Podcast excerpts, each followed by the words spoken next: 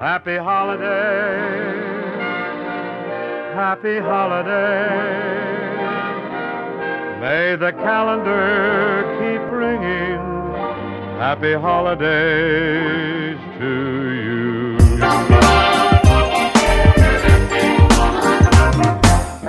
If you're burdened down with trouble, if your nerves are wearing thin, pack your load down the road,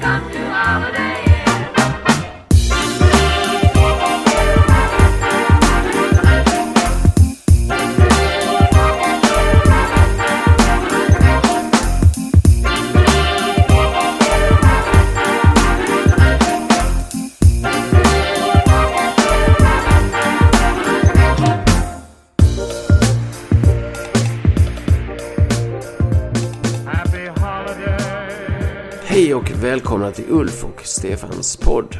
Nu är vi tillbaka igen så här i, inför julen och alltihopa. Ja, och på lyssnarnas begäran så kommer nu en julspecial. Men det blir inte direkt några jul och tomtehistorier. Men hur var julen för dig när du var liten? Vad betydde den? Ja, alltså den betyder ju väldigt mycket. Det Mm. får jag ju verkligen lov att säga. Att det, det var ju den, den eh, största dagen på hela året kan man säga. En tid för förbrödring. Alltså jag växte upp som ensambarn. Min bror kom ju först tio år efter. Ja, just det. det var väldigt mycket familjen. Det var det. Mm. Farmor och farfar, mamma och pappa och så småningom min bror också. En form av kärnfamilj. Eh, Det kan man säga, kan man säga. Kärnvirke. Och det var, um, var mycket julkrubba. Trots att jag inte kommer från en kristen familj så var det mycket julkrubba. Och Okej. eh, julklappar naturligtvis. Och, Och julmat. Julmat, Mm. givetvis. Så eh, Och vad, vad är det du tycker bäst om på julbordet? jag tycker bäst om sillsalladen. Åh herregud, jag kan tänka mig. Mm. Skönt att du inte sa brunkorn i alla fall. Och du själv, du tycker väl bäst om skinkan då kan jag tänka? Nej, jag mm, tycker inte så mycket om någon julmat egentligen. Sådär kanske Janssons frestelse och ris eller malta.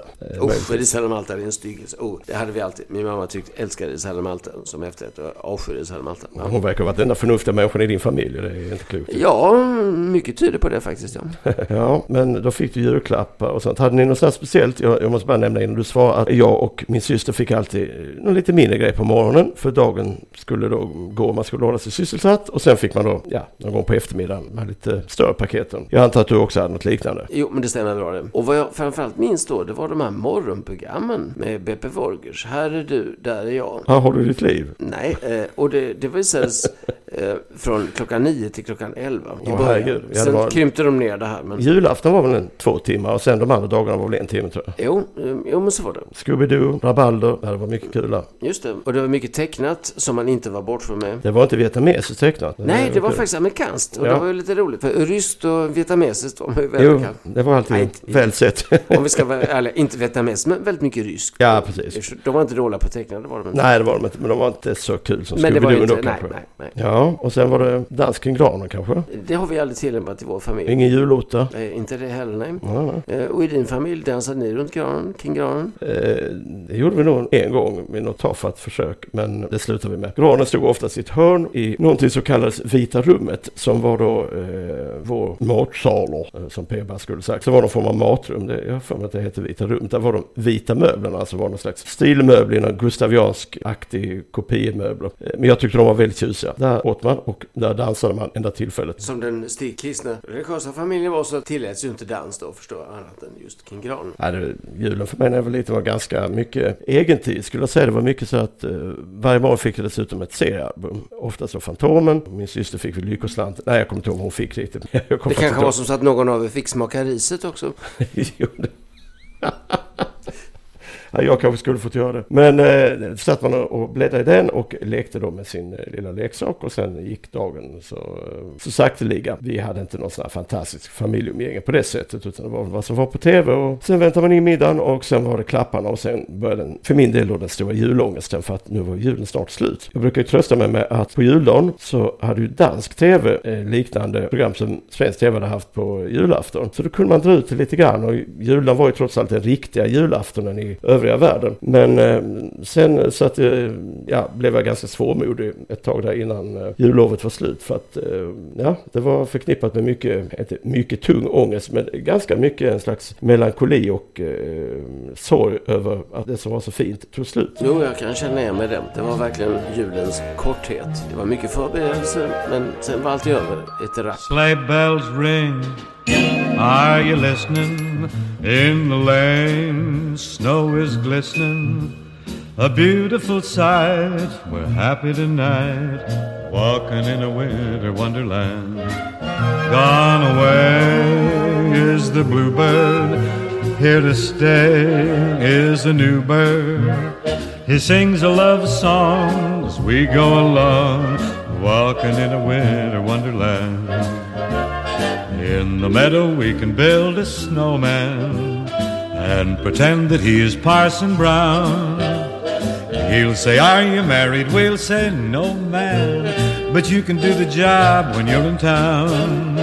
Later on, we'll conspire as we dream by the fire to face unafraid the plans that we've made, walking in a winter wonderland. Sleigh bells ring Are you listening? in the lane. Snow is glistening, a beautiful sight. We're happy tonight. Ja du Ulf, det var julen det. Men eh, det här skulle vara lite grann av en julspecial som kanske inte har Med julen att göra. julen att göra. Nej, Det är sant. en liten tillbakablick på andra grejer som vi kanske inte har nämnt tidigare. Ja, det blir så här när vi har våra öden och äventyr har vi ju tagit upp. Och det är ju inte så att allt tas upp. En del kan man inte bara ta upp. Eh, sig, eller av den anledningen att det, det liksom eh, blir för utlämnade av någon anledning. Eh, pinsamt för en själv. Eh, direkt straffbart kanske i vissa fall. Och eh, eh eller någonting annat. Eh, ja, tyst med mun så får du socker kan man säga. Ungefär. Men så är det en del saker som vi då har glömt lite grann. Alltså karaktärer vi har mött och platser vi har varit på. Och eh, när vi gjorde vår research inför programmet så eh, kom vi på att ah, vi kan ju prata lite grann om eh, något som hör det förgångna till. Nämligen för vår del kafékulturen och eh, att vi satt och hängde mycket på café och träffade ja, färgstarka mm, personer därigenom. Vi Ja, fast säga. egentligen, eh, vi, vi såg väl mer. Vi såg dem mer än att vi Vi kanske träffade väl dem aldrig. Nej, riktigt. nej. det så det var mest vi- att vi satt och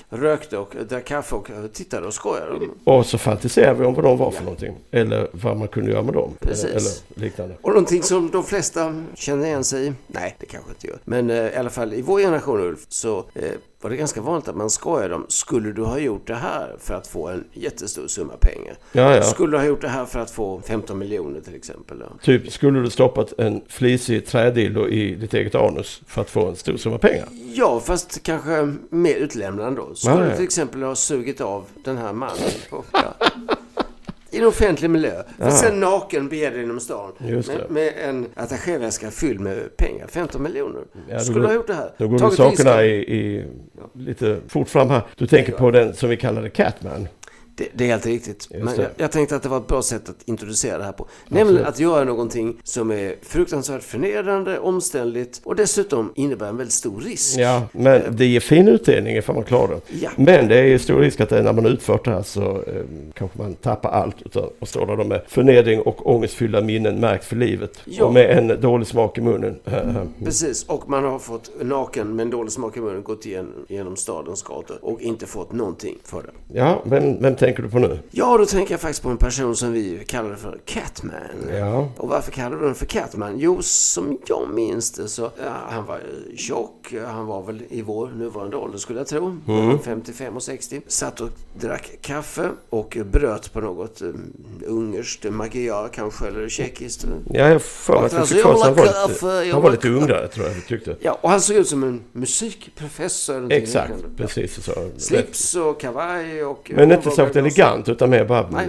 sådär som man skulle se ut. Ja. Allt var i polyester. Och han hade en, en portfölj också naturligtvis som, som låg. Fylld med pengar som du kunde få. Ja, och den här portföljen det var ingen attachéväska utan det var en sån här läderportfölj ni vet, med knäppen och sånt som man hade förr i världen. Mm. Jo då, han brukade, vi såg honom ofta och det här var... Det var väl alltid på en, eh, ett visst eh, Ja, det här café. var väl Holland, Hollandia då. som- Exakt. Och Ja. vi, vi har ju till saken att vi gästade ju väldigt många olika kaféer under den här tiden. Vi var ju verkligen runt. Ja. Och på den tiden så dracks det ingen sprit eller öl eller någonting sånt. Utan det dracks kaffe och det röktes en förskräcklig massa. Ja, då kunde man ju sitta ner länge och hålla sig inomhus. Men jag för mig att du hade, du hade fattat tycke för dem på något sätt. Nej Ulf, Som som, vanligt, som vanligt så hittar du på en massa saker. Som vanligt så hittar du på en massa saker. Eller vad kallas det nu för tiden? Sugar daddy? Jag för det var något sånt. Men hur som helst så var det väl så att eh, eh, utmaningen bestod i att man skulle osedd eh, smyga ner under kafébordet. Och det här byggde väl på att det var inte så mycket andra gäster där. Och, eh, när han sitter och läser lite kaffe, han var, gav ett allmänt sådär lite surmulet intryck. Ja, och han, han satt och läste någon tidning, Ja, tidskrift av något slag. Och, och jag vill Ja. ha kaffe. Ja. ja, det var det han sa kommer när han kom in en gång som till servitrisen. Jag vill ha kaffe. Och då blev det hans, det, det enda vi hörde honom säga tror jag. Och då skulle man smyga in det under, under hans bord, snabbt dra ner hans gylf eh, och dra ut hans eh, eh, könsorgan. Och sen kommer då det som vi aldrig hört honom säga. Att han... Just det. Nämligen när han känner att någon... någon, vad ska man säga, eh, ja, Mumsa på hans muskler. Nej, eller ja. ja, jag hade ett bättre uttryck, men när någon, no, någons Utfar- läppar omsluter hans fallos. Ja, ja, ja. Och plötsligt så, oh, Ja, en känsla uppstår och han glömmer både kaffe och tidskrifter. Han har, Kanske glömmer tid och rum. Ja, ja, det också. Oh. Ja, han kanske kände din finiga ungdomsmun kring sin lem. Ja, eller din. Hallelujah,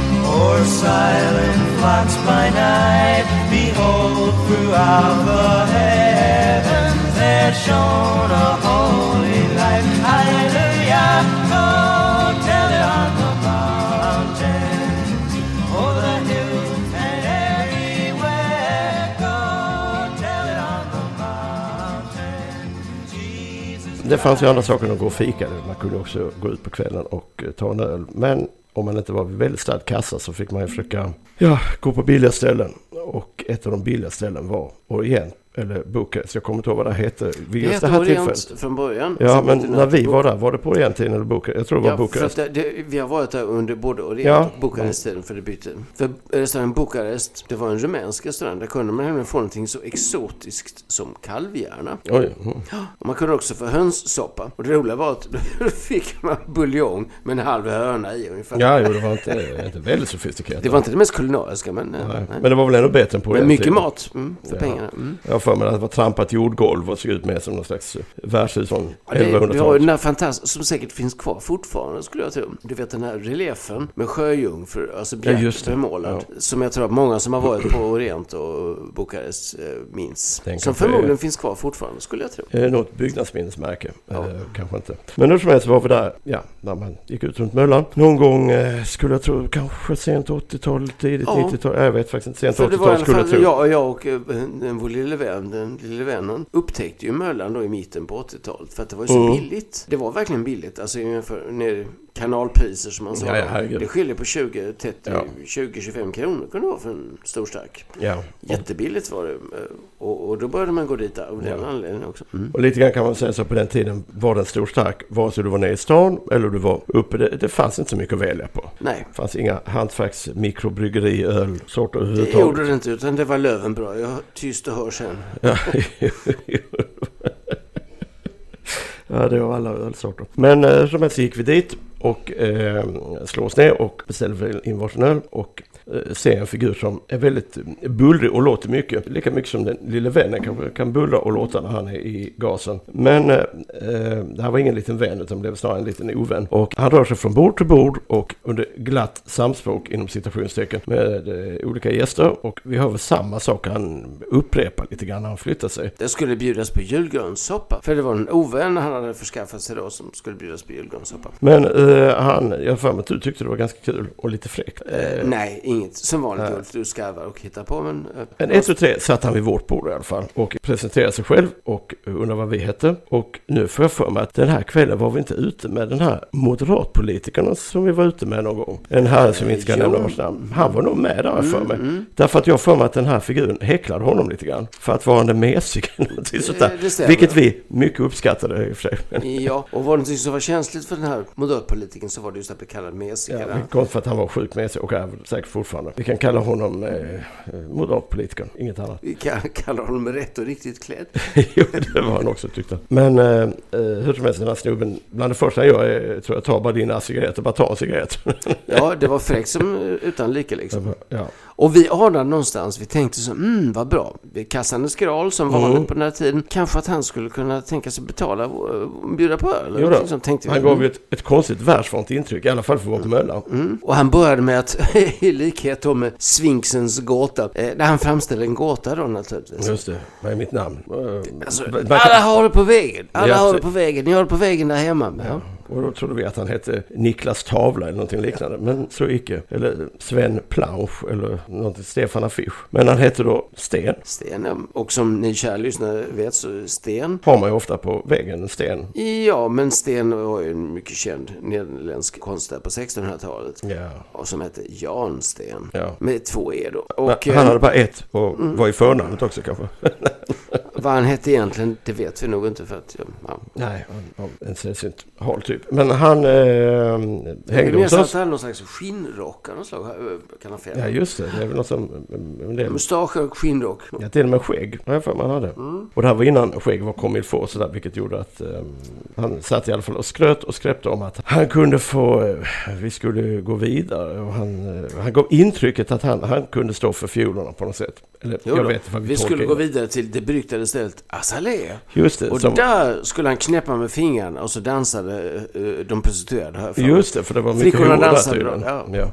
Och du såg fram emot att träffa en prostituerad och tänkte du att Sten kanske kan hjälpa mig? Har jag för mig. Nej, det var nog biljarden som lockade för det finns ju biljardbord också på här. Ja, ja, ja, så skulle du nedlägga en prostituerad på biljardbordet. Usch, vilka idéer. Men eh, det blev ingenting Ja, av per Arne då, det är du själv du beskriver. Det blev ingenting av, av någonting av det här därför att eh, vi, det var ganska kul för när vi satt kvar där på Bukarest eh, så eh, vi tolkade det som att han ska betala allting och för att gå och han liksom nej nej för fan killar ni måste betala just det, man kan inte bara Ja, ta Pågarna, ni måste Det gör betala. Ni, ni kan inte gå, ni måste betala också. Ni måste betala. Och då tyckte jag, då föll fjällen från hans ögon lite grann. Liksom att vänta lite, det här är nog ingen som har så mycket pengar. Våra vägar skildes åt eh, under kvällens lopp och sen stötte vi på dem igen eh, inne på heter det, Retro lite senare. Ja, och framförallt så, mm, kära lyssnare, det här på den tiden det fanns telefonkiosker. Senare på kvällen så stod han ute på Möllevångstorget, den telefonkiosken som fanns Jaha. där. Så stod han och ringde där. Försökte, jag tror att han ville att de skulle lösa ut honom eller att han behövde låna pengar. Jag är lite osäker. Men jag minns att han stod och vi gick förbi honom igen då. Ja, ja, ja. ja nej, det var en, en härlig typ. Long time ago in Bethlehem, so the Holy Bible said, Mary's boy child, Jesus Christ,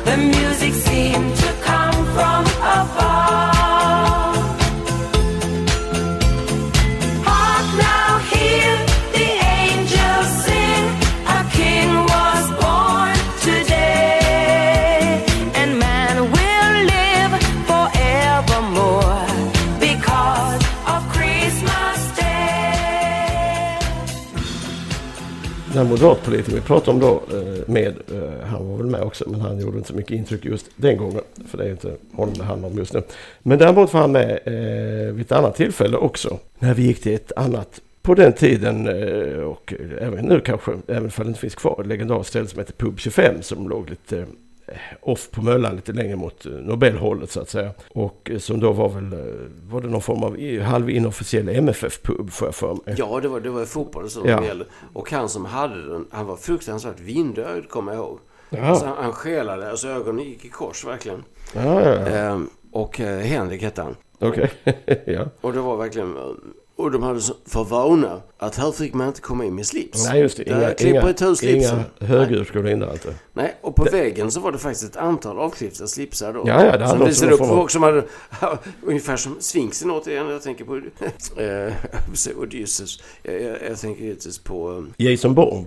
um, Indiana nej, Jones. Nej, nej, snälla Ulf. Du vet mycket väl vem jag det är ju Herakles. Jag tänker på Sphinxens gåta. Mm. Och då tänker jag givetvis på Oidipus. Oidipus. Ja, det Oidipus. Och det här var ungefär samma sak. Man kunde se då, ungefär som man såg alla de vita skallarna. Mm. eh, In, infarten till Thebe då. Benknotor och annat. Så kunde man se avklippta slipsar som fyllde en hel vägg. Jo då, det var som ett trofé över de som inte hade lyckats. Eller de kanske kom in efter de, de offrade sin slips. Men ehm, det här visste vi ju innan. Så att var, vi var ju lite, eh, lite eh, kiviga. Och den här moderatpolitikern som vi båda två retade oss ganska mycket på för han var en väldigt beskäftig herre. Han Han, Sverre, en riktig liten herre. Ja, men han, han fick, vi, hade nog, vi hade nog för, förespelat honom att vi skulle gå ner i stan istället. Så han kom gående liksom med, med sin kavajslips och paraply eller någonting annat. Och, Och han hade också en trenchcoat kastad Just som det. en mantel över axlarna. Jo då, han, eh, Inte så klädsamt men... Ja. medan vi kom då i, i jeans och boots eller någonting annat liksom tänkte hehe. Och det tyckte han kanske var lite Vi konstigt. visste hur man skulle smälta in. Jo då, i de tuffa kvarteren. Och eh, när vi kommer fram och ska gå in där, och vi säger ja vi går in här, vi går in här. Ja, går det riktigt? Ja, nej. Så, eh, du, du kommer inte in, jag, jag, ska, jag tar itu slipsen på dig. Och eh?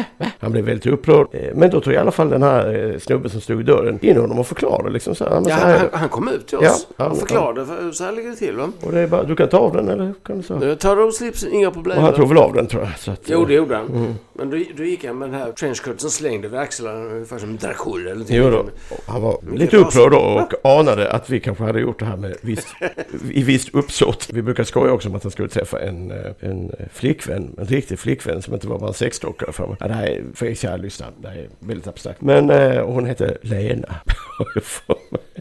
och till sist så blev han väldigt irriterad över att man skojar om det. Det var ett jävla tjat om Lena. Men du kan vi glömma honom. eh, Och, Jo då. eh, Och bröllopet som ja, vi inte heller ska gå in på då. skulle han gifta sig med sin Med, sexdockare? med den uppblåsbara Ja, dockan. just det. eh, Och så. då är det bara på brudens sida så sitter det bara uppblåsbara dockor i kyrkan. Ja, det är ju faktiskt skitkul. Eh, Om man har den bilden framför sig. Alla med öppna frågande munnar. Men han själv säger det är på riktigt. Det Ja, är på precis. riktigt. En riktig kvinna jag gifte mig. Men eh, nu ska vi lämna honom och vi kanske ska lämna möbelgången också. Bethlehem in Israel, this blessed babe was born and laid within a manger upon this blessed morn. That which his mother Mary did nothing take in scorn. Oh, tidings comfort and joy, comfort and joy. Oh, tidings of comfort and joy.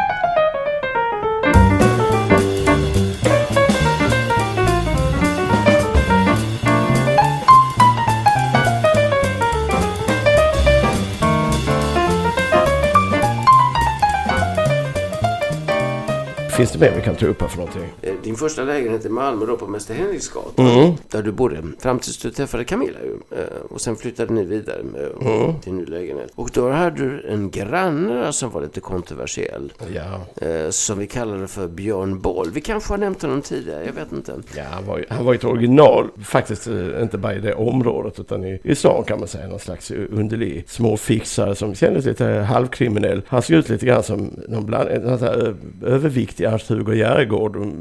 Androgynt utseende hade han tyckt. Han var en, konstig, rätt påflugen typ. eh, Men hade inte alls samma dialekt som Ernst-Hugo. Utan "Ja, han snackade mer så här. Ja, och han, nu höll jag nästan på att säga hans riktiga faktiska namn. Mm. För att han hade faktiskt en bror som enligt uppgift då gjorde en internationell karriär som Lou Castell. Ja, just det. Skådespelare. Men vi nämner inte efternamnet utan... eh, Vi nämner inte heller några filmer som Lucas Stell har varit med för det är ingen som vet. Då. Kanske. Nej. Men den här figuren mötte vi först första gången han fick sitt eh, tillnamn eh, när eh, vi satt och åt någonting. Vi satt och åt surströmming. Det var faktiskt som så att det var en augusti, en, augusti eftermiddag Jaha, på, på din gård. Mm. Där satt du och jag och din tidigare flickvän då Mm. och åt surströmming. Och han kom bort till oss. Han var inte jätteberusad men han var inte nykter heller. Han sa Åh, skulle ni, jag ser att ni sitter tre personer vid det här bordet. Skulle du ha någonting emot om en fjärde person satte sig ner vid det här bordet? Omständligt och långsamt. Ja, men Och vi, vi, vi, vi vågade inte uttala det. Vi, hade naturligtvis jättemycket emot att det kom en fjärde person. Men eh, han, han eh, inväntade inte svar utan han bara satte sig. Ja. Och eh, då kom han ju från med så småningom och då tänkte vi, oh, här- kanske här finns det dricka. Jo, han kanske tar Han skulle, gå, han skulle gå upp och hämta sig Ja. någonting då. Och då kom han tillbaka med två flaskor. Eh, två slattar. Ja, två precis. Rött och vitt. Det- det är en- en deciliter rött, en deciliter vitt. ja, Häller upp Ja, det. om man häller upp det så blir det boll. Och vadå boll? Du menar boll? Uh, uh, nej, inte. Och efter det kallar vi honom Björn Boll. Men han var i alla fall en, en, en, en säregen person. Han hade en lokal i det här huset också. Som någon gång hade varit en liten mjölkaffär antagligen. Eh, Men eh, efter 1970 bara var något skit liksom när han sålde. Och jag kommer inte ihåg vad det, det hette. Den här typ Datorimport AB. så stod det på Ja, något först. sånt var det. Ja. I början så var det då öppet mellan typ 15 och 20. Eh, och sen så blev det öppet mellan eh, 18 och 20. Och sen blev det öppet enligt överenskommelse. Mm. Ja, och Och så, sen stängt. Ja. Nej, det var liksom aldrig någonting. för det var data. Eh, Ja, men det var ju inga datagrejer som såldes. Jag tror det låg en ask disketter där. Och sen var det alltid möjligt så här fula plastsolglasögon. ehm, och så sålde han också någon form av konstiga damsandalet. Han hade hittat något parti som han själv gick runt det var sådana partier som man kom över då. Ja, det var eh, väldigt speciellt. Men hur som helst, en eh, kväll när vi varit ute och rullat hatt och eh, inte jätteförfriskade men inte helt nyktra. Och på väg tillbaka, typ till min lägenhet tror jag egentligen. Jajamän, och Från som Möllan. vanligt var det som så att vi vill gärna ha mer dricka men kassan tuter. Ja. Och vad ska vi hitta på nu? Jo, Och då ser vi att, jag, jag kommer inte ihåg för det lyste där. Sån där. Eh, Eller så var jag bara full och skulle stå, jag skulle nog bara busringa egentligen på dörren. Och så kom vi, vi visste ju inte vad han hette i efternamn riktigt sådär va. Eh, Så tänkte vi Björn Björn och så var det någon som hette B Björndal. sådär, Som jag trycker på så fan. Och vi blir insläppta och där står han. Det var inte hans dörr men Eh, Det, det lite roliga var att vi hade gjort det här äventyret förr. Och då, då kom vi i del och liksom, ja det måste vara B. Björndal. Ja, det precis. Vara. Det här- Han heter ju inte alls, han heter ju Björn, men inte Björndal. Nej. Det måste vara Ja, det var väldigt kul. Och eh, vi blev insläppta. Och tjena Uffe, tjena Uffes vän och Uffes fina vän, sa han det kanske. Han tyckte Det sa han men, men du var ju Uffe för du var hans granne. Så att han, Jo då, vi var, vi var riktiga, eh, inte nära vänner, men eh, vi blev ju det så småningom.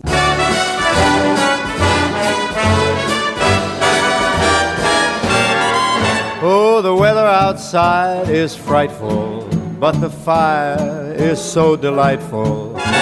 Since we've no place to go, let it snow, let it snow, let it snow.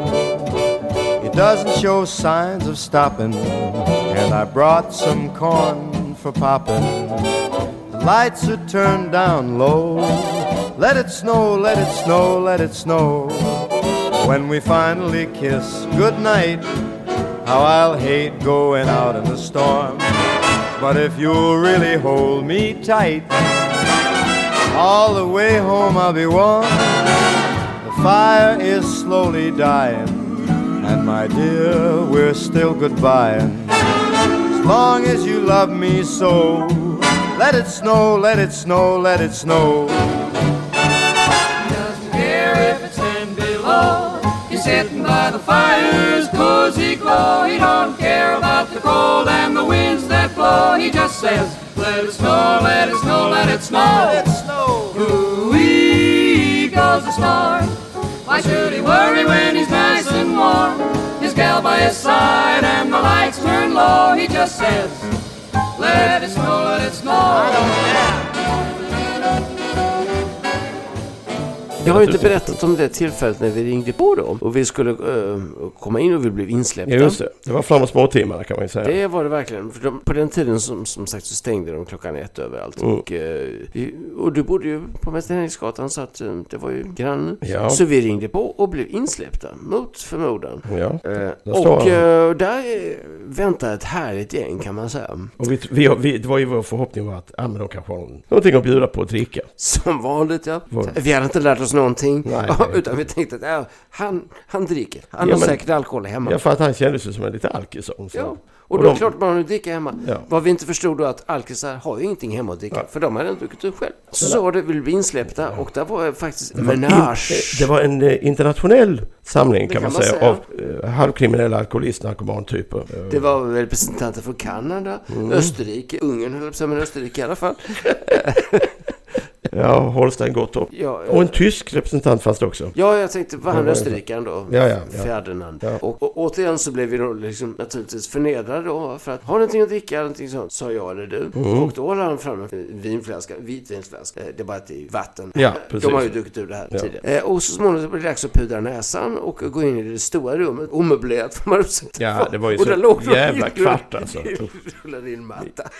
Det ligger någon som sover. Och det var inte Jean-Pierre, den här eh, kanadicken. Som bubbade. För honom kommer jag ihåg han satt och svettades och såg ut som han var på någon slags avtändning eller någonting. Men jag vet Jo, då inte. han hade dunjacka. Ja, inomhus. Och det, var, ja, det var så äckligt. Och så har vi då Ferdinand, den här eh, grinande typen som verkligen bröt på tyska och var tysk. Jo, så, som var- visade sig sen vara faktiskt en eh, stående gäst på psykakut. Ja, jag hade ju sett honom i många år, när jag bott där, eh, många år, ja, så lång tid jag hade bott där därför att han var... Eh, Trasslade in sig i cykelstället då. Jo då, man gick förbi så låg han där. Han, det, grejen var det att det var liksom en, han var, lite, han var en gammal man liksom och han var alltid förhållandevis välklädd liksom.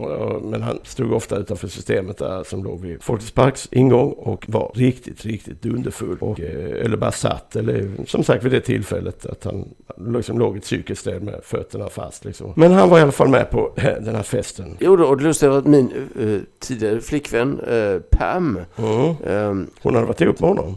inte alls, men hon jobbade ju på psykakut och kände mycket väl till den här personen. Mm. Hon menade att ni var ganska lika fysiskt. Nej, inte alls. Återigen, kära Ulf, det är du som lägger in saker och ting som inte finns.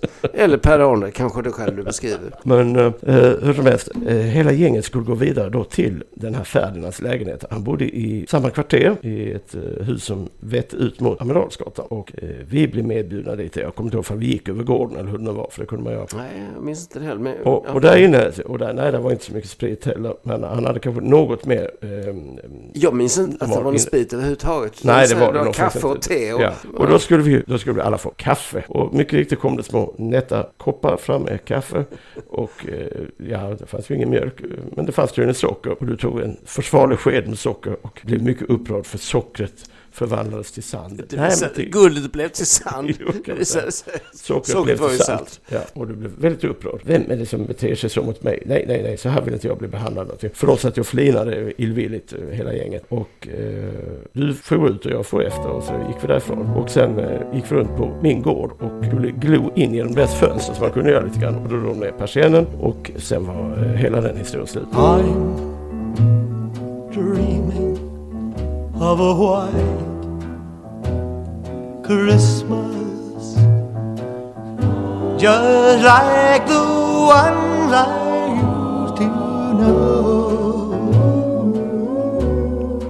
where those are glisten and children listen to hear sleigh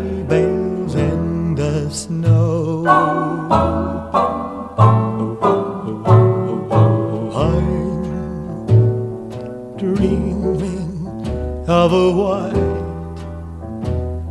Christmas with every Christmas card I write. May your day be merry and bright. And may closer. Ja, det var det gänget. eh, Internationella brigaden av alkisar och fyllon. Ja, det får man säga. Och eh, from time to time så har man dykt upp i våra liv lite grann. Så, I eh, periferin kan man säga. Vid något tillfälle när ni bodde borta på... eh, Södra Parkgatan. Ja, Det just då det. kom han gående med sitt gäng. Han hade en skinnrock. Och det var verkligen som ett riktigt gäng. Jo. Han kom då i mitten och så kom de andra Ja, lite nästan, snabbt. nästan fotsid skinnrock ju. Ja, ja. Alla Gestapo liksom. Ja, det var faktiskt så. verkligen, ja. Och där kom han gående och så han flankerad då av... eh, De andra där busarna. då, Jo då, som han bara kan knäppa så kommer de att tysta oss kanske. Jo då, man kommer med- man kommer att tänka på eh, Tegelbacken-slagsmålet här naturligtvis. Jo då. Jo då, det- Nej, det gjorde man väl inte. Men, men det såg ut som ett gäng i alla fall. Mm. Kom gående. Och eh, sen dök han ju faktiskt upp senare också när du hade ditt. Ja, det är helt otroligt. Han dök upp faktiskt när jag tränade kickboxing. Så var han med eh, där i, ja det var, måste vara, nej, jag var ganska ny. Och den gruppen, han stack ut därför att han var ju betydligt äldre. Men han var liksom inte någon sån äldre som har varit bra och tränat innan. utan Han var så otroligt kass och orkade ingenting. Och när vi då ska ligga på rygg och göra sit-up så släpper han sig jättehögt. Eh, och det blev faktiskt så här, många får sådär panikfnissande verkligen. Så det blev inte mer, han var där med en gång som sagt och sen försvann han. Och det var kanske konstigt. Han var väl en, vad ska man säga, en, en Filantrop. dagslända. Det var, han brände sitt hus i båda ändar kanske. Och P-Bass, det är den som är kvar som vi inte har tagit upp ikväll. Nej, Annars har vi gått över alltihopa faktiskt. Det, det, ja, det är Heartbreak, P-Bass och uh, Olga och Ingrid. och P-Bass. Just det, vi skojade om det här. Eh, Hur var det? Han tyckte det var jättekul. Eh, När, när du och jag... Eh, hissen. Ja, men så brukade han då liksom eh, ofta uttrycka sig förklenande om det. Och det är inte så konstigt, jag nästan alla människor som har mött det ju. Jo, Men det det var gör något det, extra och- fränt när han gjorde det. Och då står han i hissen, vi, och eh, jag kommer inte få det upp eller ner. Och så står han så här liksom, mi, mi, mi, mi, mi, mi, för att det var väldigt mesigt. Så, och tittade liksom menande på mig. Ja, det är jättekul för jag fick faktiskt den här blicken att oj, har du sagt för mycket nu? Eh, och- Det hade du gjort i och för sig. Det hade jag men- verkligen gjort. Men, men, Det blånekade. men det var för, för jag, blev, jag blev så irriterad på honom. För liksom, mi, mi, mi, mi, mi, mi, mi.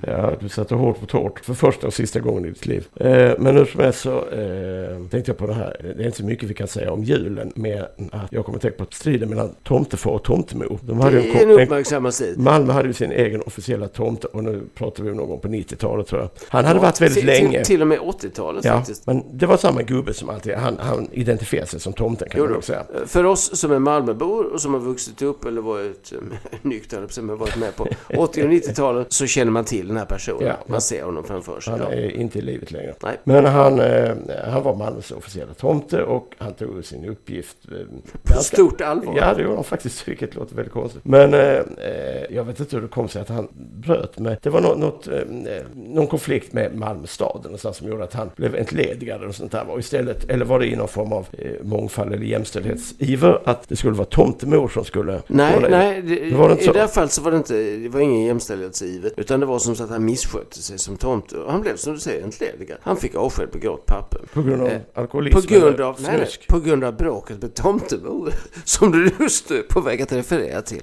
Det var ju det som var det festliga då. Därför att han, han fick the sack och han var ju med. Det fanns ett rödvin på den tiden som det alltid Beaujolais Nouveau. Ja, det. Nouveau. Och då satt han med på vagnen då. För det, Ja. när, för det var så stort att Beaujolais Nouveau kommer nu. Och så. Vilken jävla 80-talsgrej. Ja, verkligen måste man säga, för, för det var ju knappt drickbart. Men strunt samma. Grejen var att när han blev, eh, fick the sack som tomtefar, det var därför att han och tomtemor rök ihop. så, så att fjädrarna rök, höll jag. Om, om vinet? Nej, inte alls. De, det fanns en tomtestuga på Gustav Adolfs torg. Ja, just det. Det stämmer. Jag såg det ofta. Och, och, och då blev det bråk där. Därför att han, han var ju den riktige tomten. Mm. Och det ligger någonting i det du säger. Kan vara som så att han faktiskt var eh, avfärdad som tomte. För att han var den riktige tomten. Jo då, för han, han, han var skulle vara där ändå. Han var full, han var den riktige tomten. Jo då, och, kom han- utan och- byxor men med tomteskägg. Det vet jag inte, men det stod om i Sydsvenskan. Ja, ja. Tomtefar och tomtemor de ryker ihop. Ja, ja, det var helt otroligt. men han försökte ändå. De fick en tomtebarn. Jag, jag minns honom som sagt när jag jobbade som vaktmästare ute i Fosie så, så skulle jag ju på morgonen då åka iväg och hämta posten som jag berättade om i tidigare Mm. avsnitt. Eh, och då satt han ofta där i väntrummet och sa Ge en slant till barnen, skänk pengar till I barnen. tomtekläder också. Ja. Han hade inga andra Han, kläder. han, hade, han hade en luva. Ja. Men för övrigt så en täckjacka och så. Ja, ja, och ingenting under. Men han var ju tomte. Ja. Nej. Eh, Jag kan säga det här är ju bara en liten eh, extra special. Kanske vi ska önska våra lyssnare eh, god jul och gott nytt år. Och hoppas att 2023 blir lika underbart som 2022. Det kanske till och med bättre. Det gör vi absolut. En riktigt god jul och ett gott nytt år. Tack för oss. Hej då. Tack för oss. Hej. When they came to Bethlehem, where our dear Savior lay,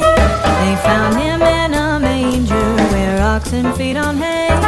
His mother Mary kneeling down unto the Lord did pray. Oh, tidings of comfort and joy, comfort and joy.